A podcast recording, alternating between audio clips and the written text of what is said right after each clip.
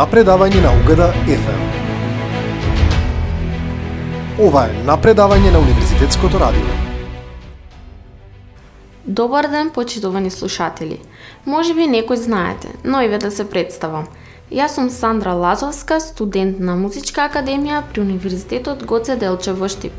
Денес сте на предавање со мене и во оваа емисија ќе се задржам на музиката, а со мене се и студенти од Музичката академија Илина Врешкова, оддел соло пеење и Горан Тонев, оддел класична гитара.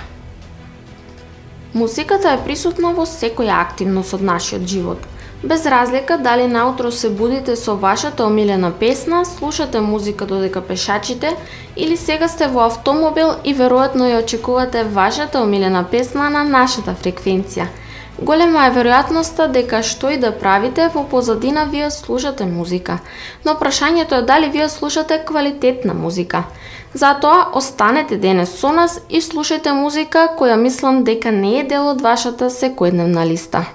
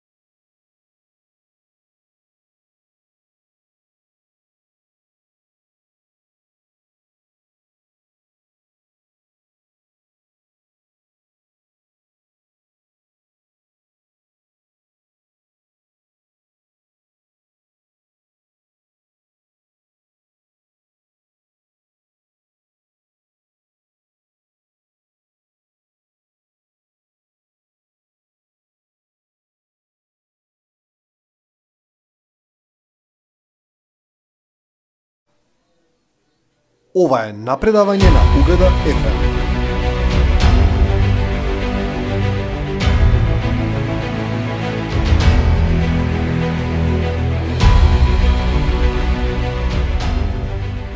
Иако јас сум во секојдневно обкружување со класичната музика, секако таа не е единствениот вид на музика што ја слушам. Многу луѓе сметаат дека им е потребен посебен тренинг за да ја разберат класичната музика и тоа е точно.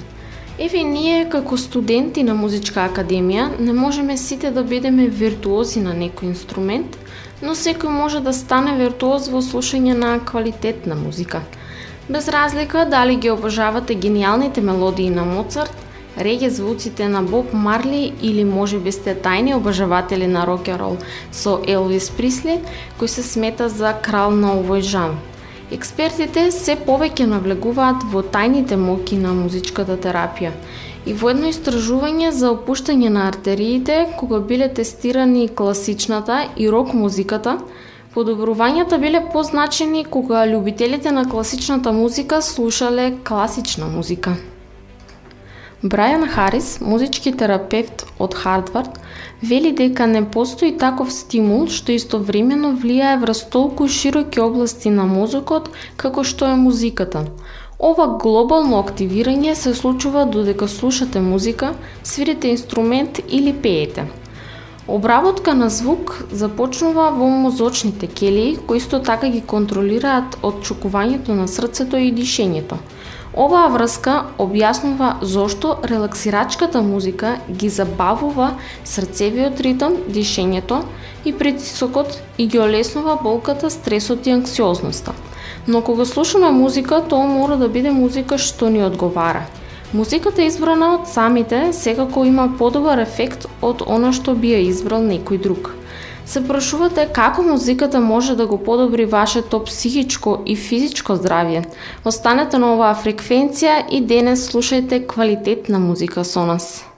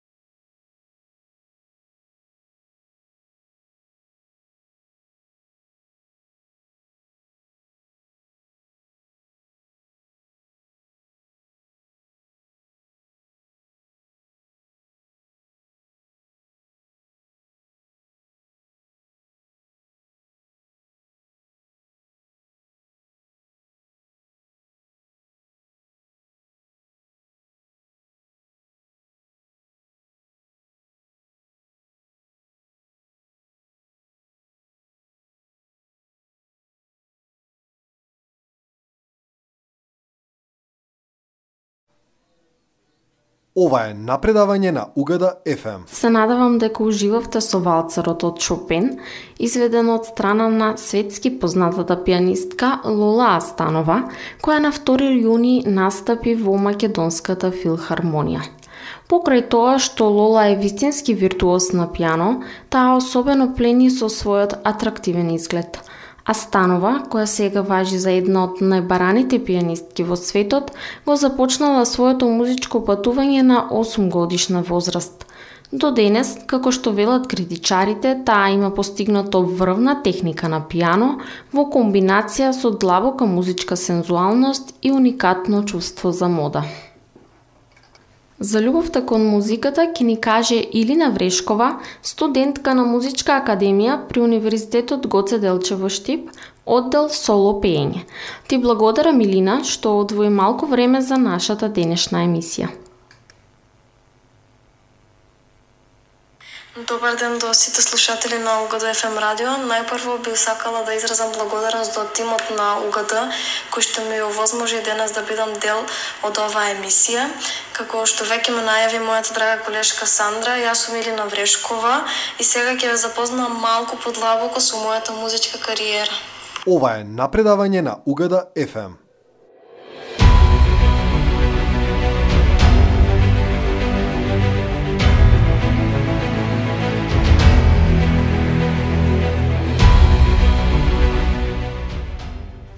Илина, од каде е твојата желба за музиката?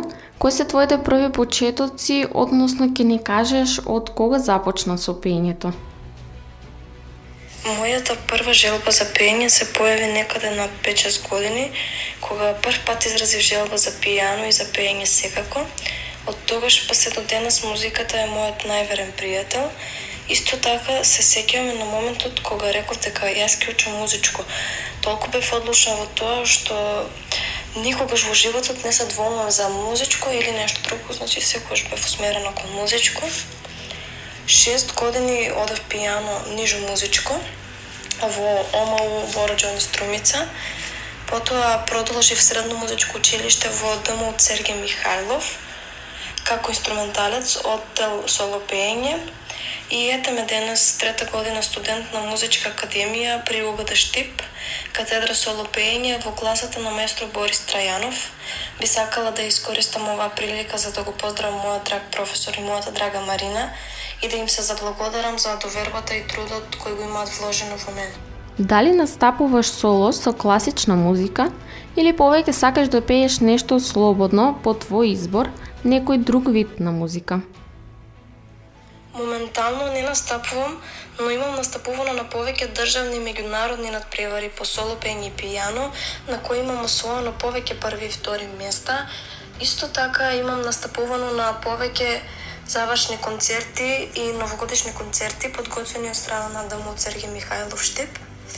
Класичната музика си ја сакам, операта исто така, таа љубов си има посебно место во мене, но исто така сакам забавна музика која честопати ја слушам, а воедно и пеам, како што знаеме да кажеме за душа.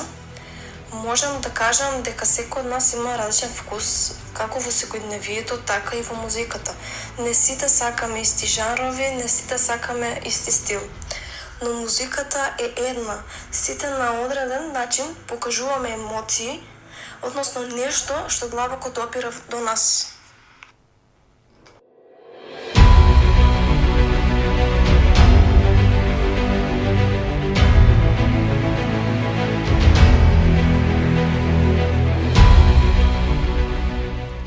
Знам дека освен што пее, или на своите чувства ги искажува и преку пишувањето, па еве накратко нешто и за тоа. Да, имам издадено две книги, како што имам љубов кон музиката, имам исто така и кон пишувањето малку подоцна започнам да пишувам, но сето тоа сега ми е како една целина, бидејќи сметам дека чувствата се искажуваат преку пишување, а пишувањето без музика мене ми нема смисла, сега ќе ви кажам и зошто. Мојата прва книга е Љубовта е моја религија, издадена 2017 година од страна на издавачката која Благо Јанков Мучето. Љубовта е моја религија е песна на Каролина. Така се вика мојата книга, бидејќи токму со таа песна започнав да пишувам. Значи седев така и од негде никаде ми дојде идеја, ја слушав песната моментално, ми дојде идеја да почнам да пишувам, така започна и пишувањето на мојата прва книга. Втората книга е Љубовно пијанино, која е издадена 2020 година Исто така издавачка куќа Благо Јанков Мучето. На втората промоција можам да откријам дека најави фитриологија, односно уште една ваква книга со овој контекст. Се надевам дека ќе биде издадена за брзо време, бидејќи веќе ја спремам. Во двете книги се зборува и самите наслови кажуваат, нели, за љубовта, љубовта кон пијаното, љубовта кон пеењето. На некој начин се опишувам дел од мојата љубов кон музиката. И за крај, која е твојата препорака, односно според тебе дали студентите кои имаат желба за музика да ја изберат музичката академија при Универзитетот Гоце Делчев во Штип? Би сакала да упатам порака до сите средношколци кои завршија сега оваа година да се запишат на УГД затоа што сметам дека УГД нуди одлични можности за студентите Сега ќе зборувам лично за мојот факултет, Музичка академија соло пеење. Значи, соло пеење е повеќе пракса, можам да кажам на некој начин. Имам историја на музика како теорија, но се друго е повеќе пракса затоа што а, имаме вежбање на техники, вежбање на дишење, имаме сценски движења, значи се тоа што во медицината треба да биде, да кажам, теорија, кај нас е пракса. И професорите никогаш не те гледаат како некоја фигура, туку едноставно сите се другари со нас. Со тоа доаѓаш до поблизок контакт и така со професорот се разбираш многу подобро. Затоа ја опатувам оваа порака дека не секогаш треба да имаме страф од нешто што го сакаме. Тоа беше нашата соло пејачка или Врешкова и накратко ни кажа дека низината љубов и желба кон музиката никогаш не престанала. Па се надавам дека од незина страна наскоро ќе бидеме повикани на некој концерт или може би на издавањето на незината следна книга. А сега останете со нас и слушнете го првиот чин од операта Кармен. Опера во четири чина на францускиот композитор Бизе која е една од најпопуларните и најчесто изведувани опери, а Хабанера од првиот и песната на Тореадора од вториот чин се меѓу најпознатите оперски арии. Уживајте!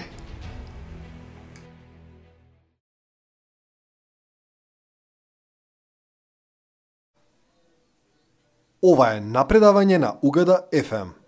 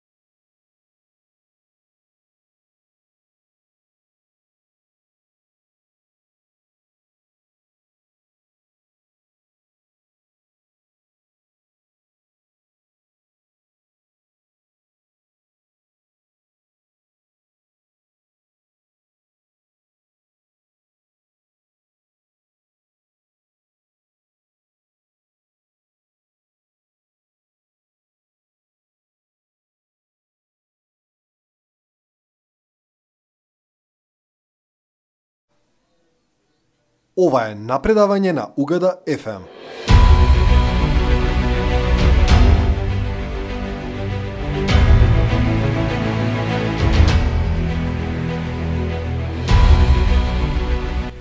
Денес со нас е Горан Тонев, студент на Музичка академија оддел класична гитара. Горан ќе ни каже за неговата желба за музиката, односно од кога започнал со свирењето гитара и дали моментално настапува со некој бенд. А секако ќе ја споменеме и неговата песна и како е задоволен од истата и неговото мислење колку може еден музичар да успее во нашата држава. Инспирацијата за свирење гитара ја добив од мојот татко, уште како мал гледајќи го како свири и настапува во живо со својот бенд, на 6 години почев да изучувам свирење гитара. Потоа се запишев и во нижото музичко училиште Серги Михайлов, каде што го завршив средното образование. Моментално сум четврта година на факултетот Гоце Делчев Штип, на одделот класична гитара под менторство на Дејан Лазаревски. Морам да се пофалам дека минатата година имавме и заеднички камерен проект и настапувавме во повеќе градови во нашата земја. Покрај класичната музика, морам да кажам дека на своји 14 години го формирав својот прв рок бенд, така да до ден денес редовно настапувам.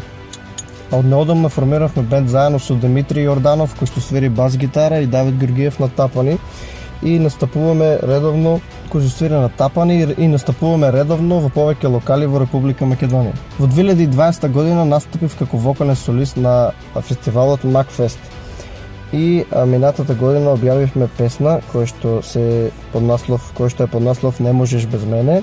Музиката и аранжманот се на Димитар Андоновски, а текстот е на Роберт Ристов.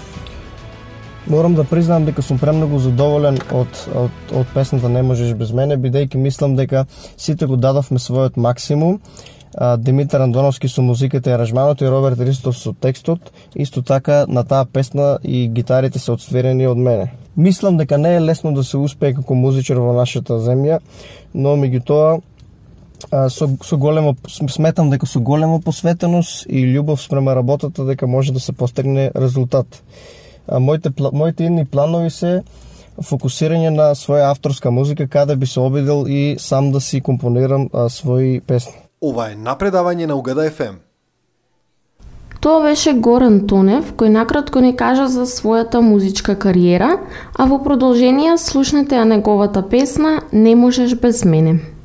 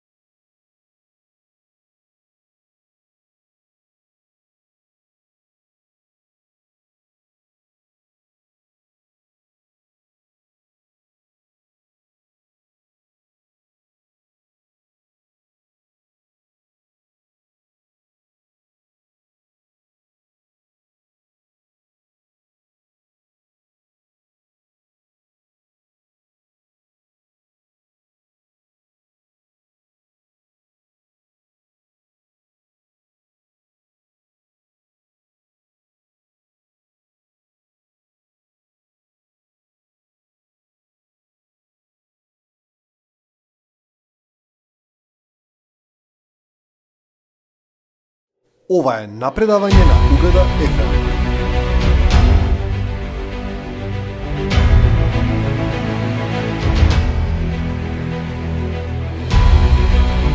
Сега ќе продолжиме со тоа дека музиката има многу позитивни ефекти, повеќето од нас го имаат почувствувано овој благопријатен ефект на музичките звуци. Еден од најдобрите начини да се релаксирате по напорниот ден е да се опуштите и да си ја пуштите омилената музичка плейлиста. Луѓето кои слушаат музика барем два пати дневно по половина час, чувствуваат помал стрес и помала вознемиреност – А кога знаеме дека стресот е извор на многу болести, ова дејство на музиката треба уште повеќе да го цениме. Велат дека музиката ги намалува симптомите на депресија. Музичката терапија им се препорачува на пациенти кои страдаат од депресија токму поради тоа што пријатната музика го подобрува расположението. Американски истражувач открил дека кај пациентите кои страдале од депресија, ако и слушале музика еден час дневно, со тек на време симптомите се намалиле за 25%. Музиката ја намалува и хроничната болка. Секојдневното слушање музика може да ја намали хроничната болка со 21%, велат научниците од Охајо. Тие го истражувале ефектот на музиката кај пациенти со хронична болка кои уживале во звуците на музиката по еден час секој ден. Експертите не тврдат дека музиката целосно ќе отстрани болката, туку дека таа може да биде пријатно дополнување на терапијата препишана од лекар. Музиката го намалува стресот и вознемиреността кај бремените жени. Добро е бремените жени да слушаат музика барем 30 минути дневно, затоа што тоа ги намалува симптомите на стрес, анксиозност и депресија. Бременоста е идеално време за жените да научат приспивни песни кои ќе им ги пеат на своите малечки. Музиката ја подобрува концентрацијата. Еве јас го потврдувам тоа. А, хармоничните звуци на музиката го изоструваат умот и ја подобруваат концентрацијата. Сепак, подпирајќи се на најновите научни сознанија, експертите советуваат учениците и студентите да слушаат класична музика. Сега за свирењето музички инструмент и позитивните ефекти од тоа, пишува професор доктор Ангеле Михайловски, професор на Музичка академија при Универзитетот Гоце Делчев во Штип. Свирењето на музички инструмент, покрај тоа што прави да се чувствуваме убаво за себе и за оние кои се во нашата околина, исто така создава интензивни мултисензорни способности, процес кој вообичаено започнува на рана возраст и го следи музичарот во текот на целиот живот. Потикнување на социализација и тимски вештини. Свирењето на инструмент може да биде одличен начин да го подобрите вашиот социјален статус. Тоа најдобро го доживуваат оние кои свират со поголеми оркестри, бендови или пеат во некој хор. Пријателите кои се создаваат со споделувањето или создавањето музика се доживуваат како еден вид на семејство – а искуствата од заедничките настапи и концерти, доживувања, остануваат врежани во сеќавањата до крајот на животот. Од друга страна, тимските вештини се исто така важна карактеристика за да се биде успешен во животот. Свирењето инструмент бара од вас да работите и соработувате со останатите колеги при создавањето на музиката, каде што секој изведувач мора да научи како да ги слуша и почитува останатите колеги од оркестарот. Свирењето на инструмент ве учи на дисциплина. За секој почетник, свирењето на инструмент представува голем предизвик. Фактор кој е пресуден за постигнување на успех кај музичарот е дисциплината. Континуираното вежбање и работа на совладување на изведувачките перформанси во композицијата се плод на дисциплината. Најдобрите музичари во светот се мајстори за дисциплина и поради тој факт се толку успешни во владењето на нивниот инструмент. Ја зголемува вашата одговорност. Свирењето на инструмент си носи своји обврски. Секој инструмент при свирењето претрпува помала или поголема амортизација, па затоа негата и грижата се многу важни за одржување на инструментот во работна состојба. За разлика од електронските алатки и инструменти кои денес сите ги користиме и чија вредност опаѓа пропорционално со нивната експлоатација, кај класичните музички инструменти е обратно. Нивната вредност расте соодветно со нивната старост и правилното одржување од страна на собственикот. Се подобрува вашата математичка способност – Свирењето на музички инструмент и воопшто музиката многу често е во корелација со природните науки, како што се медицината, математиката и архитектурата. Толкувањето на музиката и свирењето во себе вклучуваат броење на тактови, метричко-ритмички специфичности кои се блиски математичките вештини. Воопшто, учењето музичка теорија вклучува многу математички аспекти голем број истражувања докажале дека учениците и студентите кои свират некој инструмент или се занимаваат со уметност, често се подобри во математика и постигнуваат подобри резултати од оние кои немале допирна точка со музиката. Го зголемува капацитетот на нашата меморија – Според некои истражувања, свирењето музички инструмент, како и слушањето музика, во голема мера ја стимулира работата на мозокот и може да го зголеми капацитетот на нашата меморија.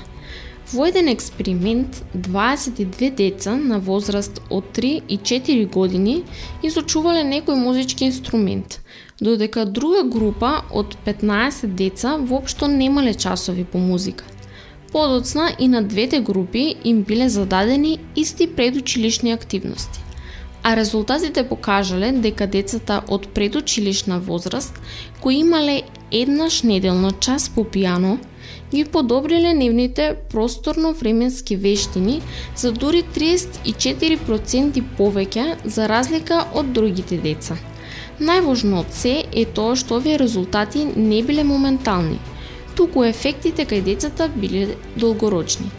Редовното свирење на инструмент на долг рок со сигурност ги формата и капацитетот на мозокот кај човекот и стимулира во подобрувањето на когнитивните вешти. Помага во намалувањето на стравот од јавен настап и продуцира среќа за вас и публиката. Крајната цел од вежбањето на некој инструмент е интерпретацијата и настапот пред публика – Колку почесто застанувате на сцена, толку повеќе се намалува стравот од јавен настап.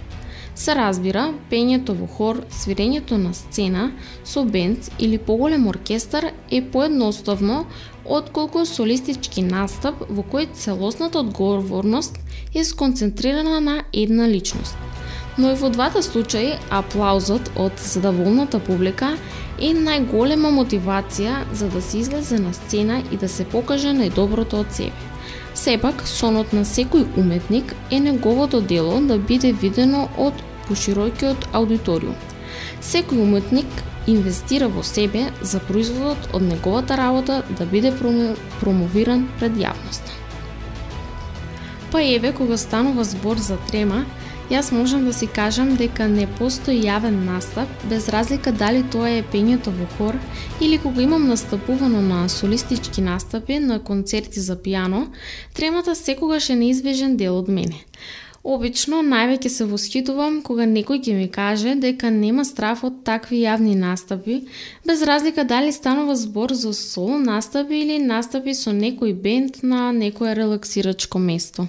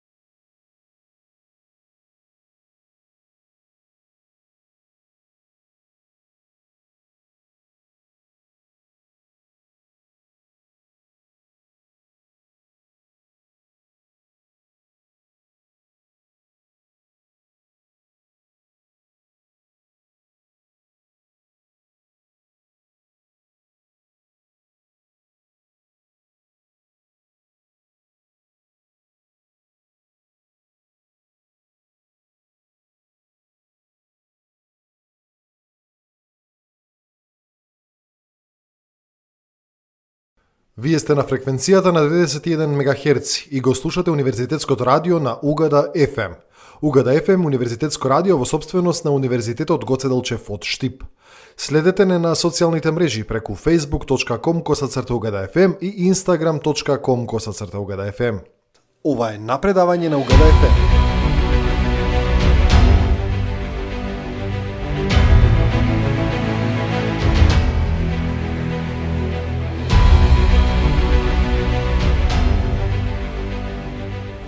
Сега кога сме веќе кај настапите, Музичката академија при Универзитетот Гоце Делчев може да се пофали дека од 22 до 31 мај се одржа серија циклус концерти виртуозо, каде настапуваа студентите од вокално-инструменталниот оддел, джес одделот, одделот за етнокореологија и катедрата за народни инструменти при одделот за теорија на музиката и музичката педагогија. Па секој студент треба темелно да се запознае со музиката уште пред да почне да ја изучува и научените вештини да знае да ги примени и во друг контекст, во друга композиција од иста категорија или жанр. За музичката интерпретација секогаш се можни и нови толкувања. Во различни услови и окружувања, како и човечки состојби, истото дело може да прозвучи на различни начини – Тоа ја прави музиката величествена, бесконечна и бесмртна. Новите методи на работа на интерпретацијата на музичкото дело во високото образование вклучуваат длабок пристап не само кон упредување на техничкиот и музичкиот аспект на изведбата, туку и кон градење на личен став на музичко толкување. На тој начин студентите постепено израснуваат во самостојни музичари, кои во изведбата на композицијата даваат и личен печат. На катедрата по пијано на Музичката академија при Универзитетот Гоце Делче во Штип активно се работат и применуваат новите методи на изучување на пианистичката интерпретација, со што Музичката академија е на рамниште со светските музички факултети, пишува професор по пијано од вокално-инструменталниот оддел. Музичката академија е единствениот факултет во државата кој во фокусот на студиските програми ги вклучува музиката, инструментите и вокалната интерпретација на најизведуваните музички жанрови во државата и во светот – джез, класика и етно. Па доколку ве интересира нешто повеќе за Музичката академија, може да прочитате на официјалната страна. Во продолжение слушната музика од операта Травјата од композиторот Джузепе Верди. Ова е напредавање на Угада FM.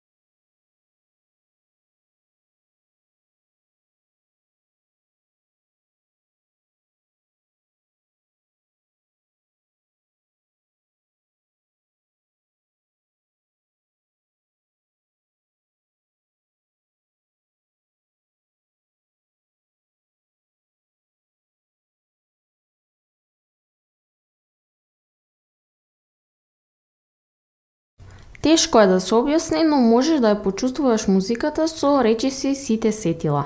Едно нешто е сигурно, а тоа е се што е спротивно на тишината ги исполнува и избогатува нашите животи во сите аспекти.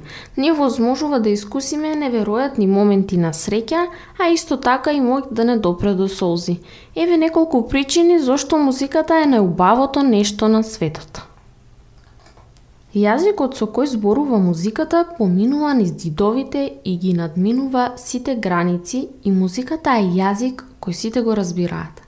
Тоа е елемент кој ги поврзува сите луѓе на планетата без оглед на нивната позадина и не може да биде запрен од границите или предрасудите. Музиката е еден од основните човечки инстинкти. Музиката има почеток, но нема крај. Музиката е бескрајна во природата. Без разлика колку е виртуозен некој, секогаш постои нов музички простор за откривање. Едноставно, креативните можности на музиката се бесконечни. Музиката исто така ги поврзува луѓето. Зарем не е неверојатно колку луѓе се соединуваат на еден голем концерт? Иако сите тие се индивидуалци, тие ја споделуваат истата љубов кон одредена музика и добра забава истовремено. Истото важи и за многу помали групи луѓе собрани околу камперски оган и акустична гитара. Да не споменувам солидарност меѓу членовите на бендот или фантастична тимска работа во рамките на оркестарот а знаеме дека и забавниот фактор е вечно присутен. Една интересна работа кога се впуштате во музичко патување, прво научите ги чекорите и обезбедете ги необходните алатки, сладкост и мускули.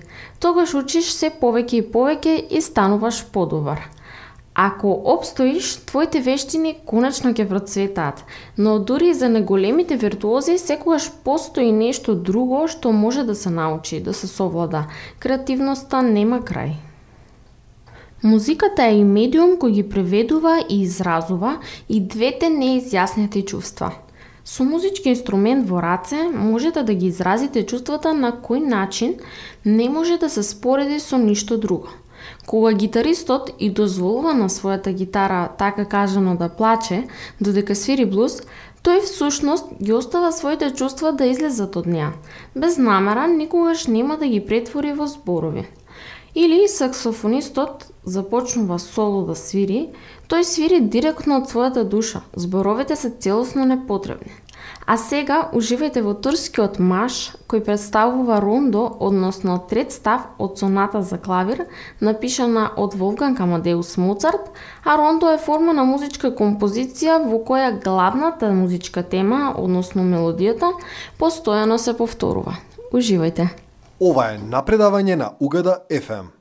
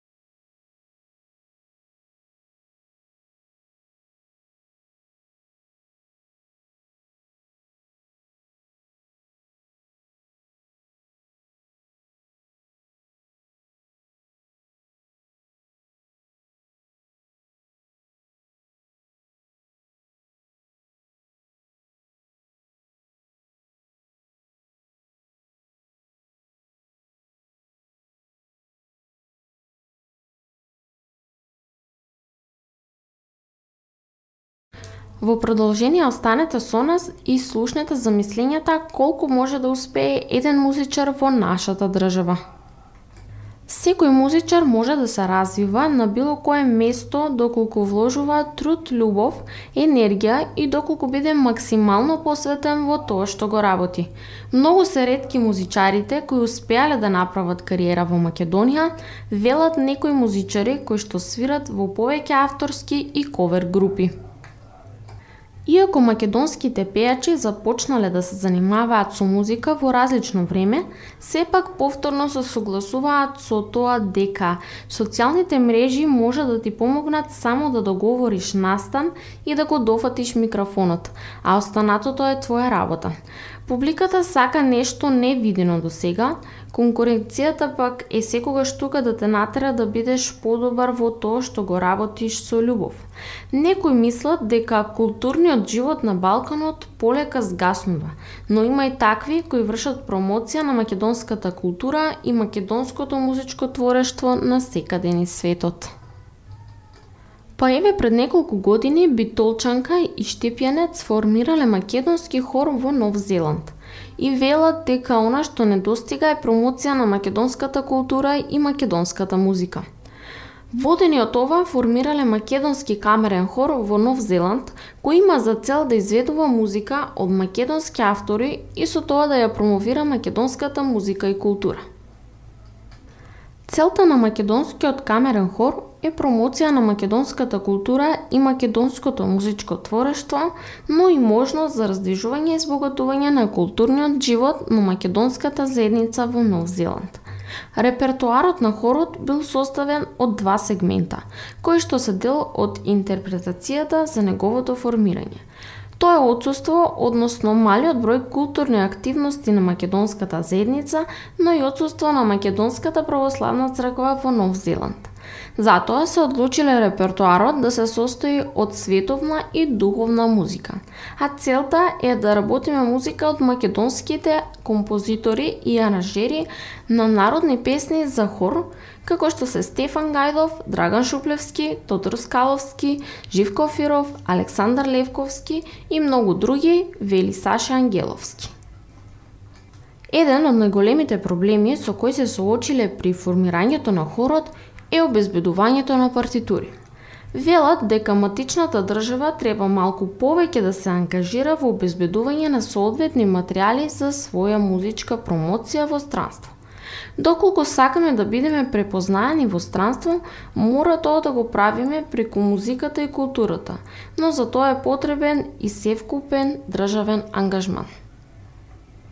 Од друга страна, денешните млади лесно се откажуваат од уметноста – Операта и балетот од секогаш се сметаат како темели на културниот живот, но дали во земјите на Балканот има услови за да се оправда таквиот статус? Милош и Нина од Србија се двајца млади кои се занимаваат со опера и балет уште од мали нозе. Тие раскажуваат за своите соништа, но и за реалноста и условите кои се нудат во овие подрачја во областа на културата. Милош Лазович со оперско пење активно се занимавал од 8 години пред да се откаже поради недоволните услови кои се нудат во оваа област во замена за големиот труд кој треба да се вложи. И нешто слично, Нина Гаврилович пак танцува балет од својата трета година, но сепак одлучила да учи математика во Белград. Таа го гледа балетот само како хоби, а смета дека најголемиот проблем е што во помалите места не се нудат ни доволно услови за да се тренира. Па така тие се приморани да се преселат во поголемите градови, доколку сакаат да изградат балетска кариера. А сега уживајте со музика од американскиот джез музичар Луис Армстронг. Ова е напредавање на Универзитетското радио.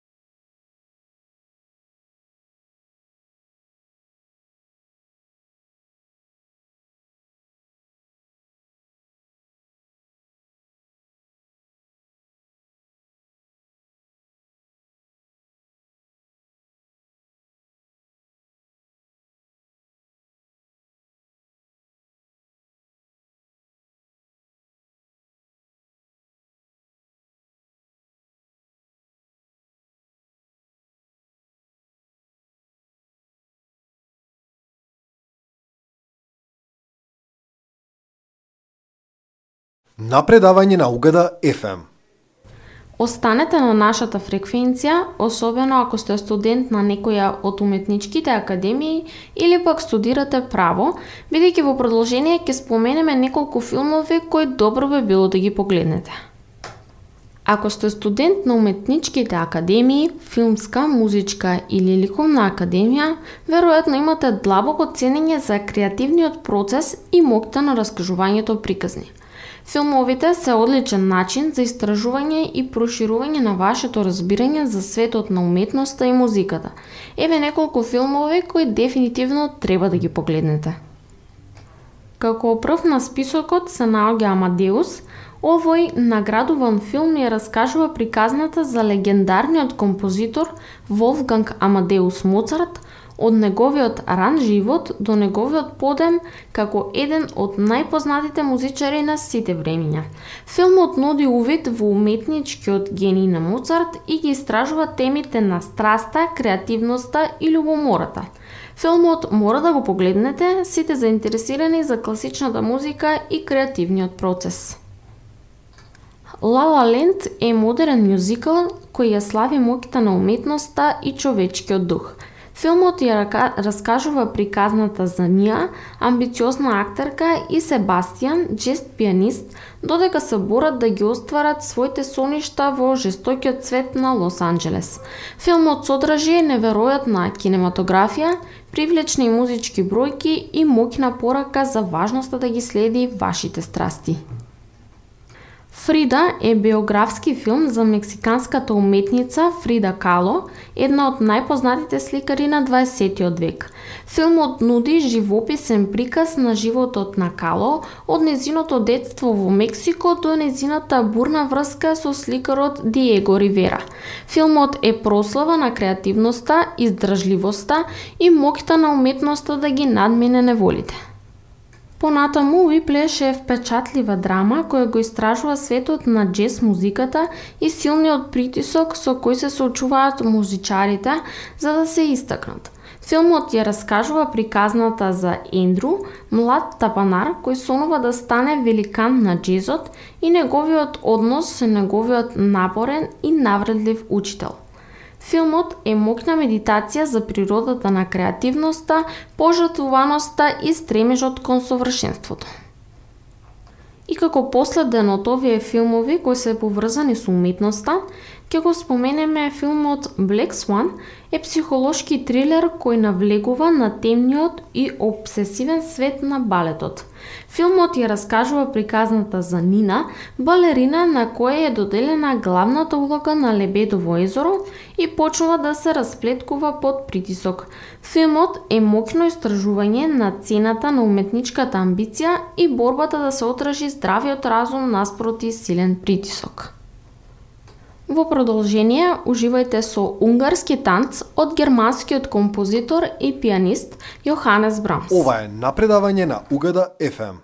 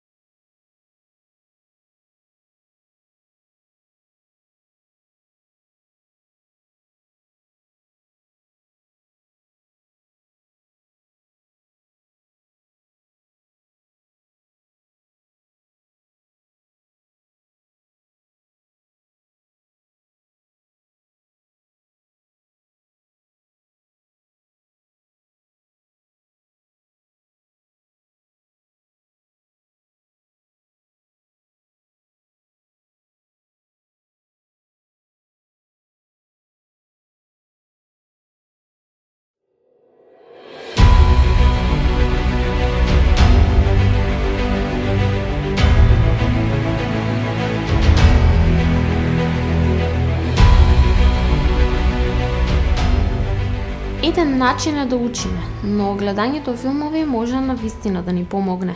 Па еве предлог филмови и за студентите по право. A Few Good Men е режиран од Роб Райнер, а како актери се јавуваат легендарните Том Круз, Деми Мур и Джек Николсон – Неколку добри луѓе ја раскажуваа приказната за млад воен адвокат кој е назначен да брани двајца маринци обвинети за убиство. Филмот ги истражува темите на честа, должноста и владењето на правото, како и тензијата помеѓу следењето наредби и залагањето за она што е исправно. Потоа Ерин Брокович направен по вистинска приказна. Ерин Брокович следи самохрана мајка која станува правен асистент и помага да се урне една калифорнијска енергетска компанија обвинета за загадување на водоснадувањето во градот. Филмот ја прикажува моќта на решителноста, важноста на правното издржување и влијанието што еден човек може да го има врз општеството. Филмот The Verdict во режија на Сидни Лумет и со Пол Нјуман во главната улога предрасудата ја раскажува приказната за несреќниот адвокат кој презема случај за медицински небрижност за кој верува дека може да победи. Филмот ги истакнува предизвиците на практикувањето на правото, важноста на етиката и честноста, како и мотивниот удар што правните случаи може да го направат врз адвокатите и нивните клиенти. 12 Angry Men во режија на Сидни Лумет и со Хенри Фонда во главната улога, 12 лути мажи е класичен филм кој ги следи размислувањата на породата во судењето за убиство. Филмот ја нагласува важноста на критичкото размислување, еволуцијата на доказите и улогата на породата во правниот систем. И за крај ќе го споменеме филмот Филаделфија во главните улоги Том Хинкс и Дензел Вашингтон, Филаделфија ја раскажува приказната за адвокат кој е отпуштен од својата работа откако му е диагностицирана СИДА. Филмот ги истражува темите на дискриминацијата, граѓанските права и борбата за правда, како и личниот удар што дискриминацијата може да го има на поединецот. Почитувани слушатели, тука ќе завршиме со денешната емисија, а вие денес бевте на предавање со Сандра – Се надевам дека времето што го издвоивте за денешното дружење беше и време заедно да научиме нешто ново. Следната емисија ќе се дружите на предавање со некој од моите колеги на некоја друга тема. Па доколку имате нешто за кое сакате да зборувате со нас, слободно може да не пишете на социјалните мрежи, а секако не заборавате да не следите Угада FM, Универзитетско радио и профилот на Универзитетското студентско собрание при Угада Штип. Се надевам дека ви се допадна мојата денешна емисија со музика која не е дел од вашата секојдневна листа. Затоа слушате радио секое попладне и останете со нас. Главен и одговорен уредник Игор Стојанов. Уредник и водител на емисијата Сандра Лазовска. Продукција Угада ефем. Јуни 2023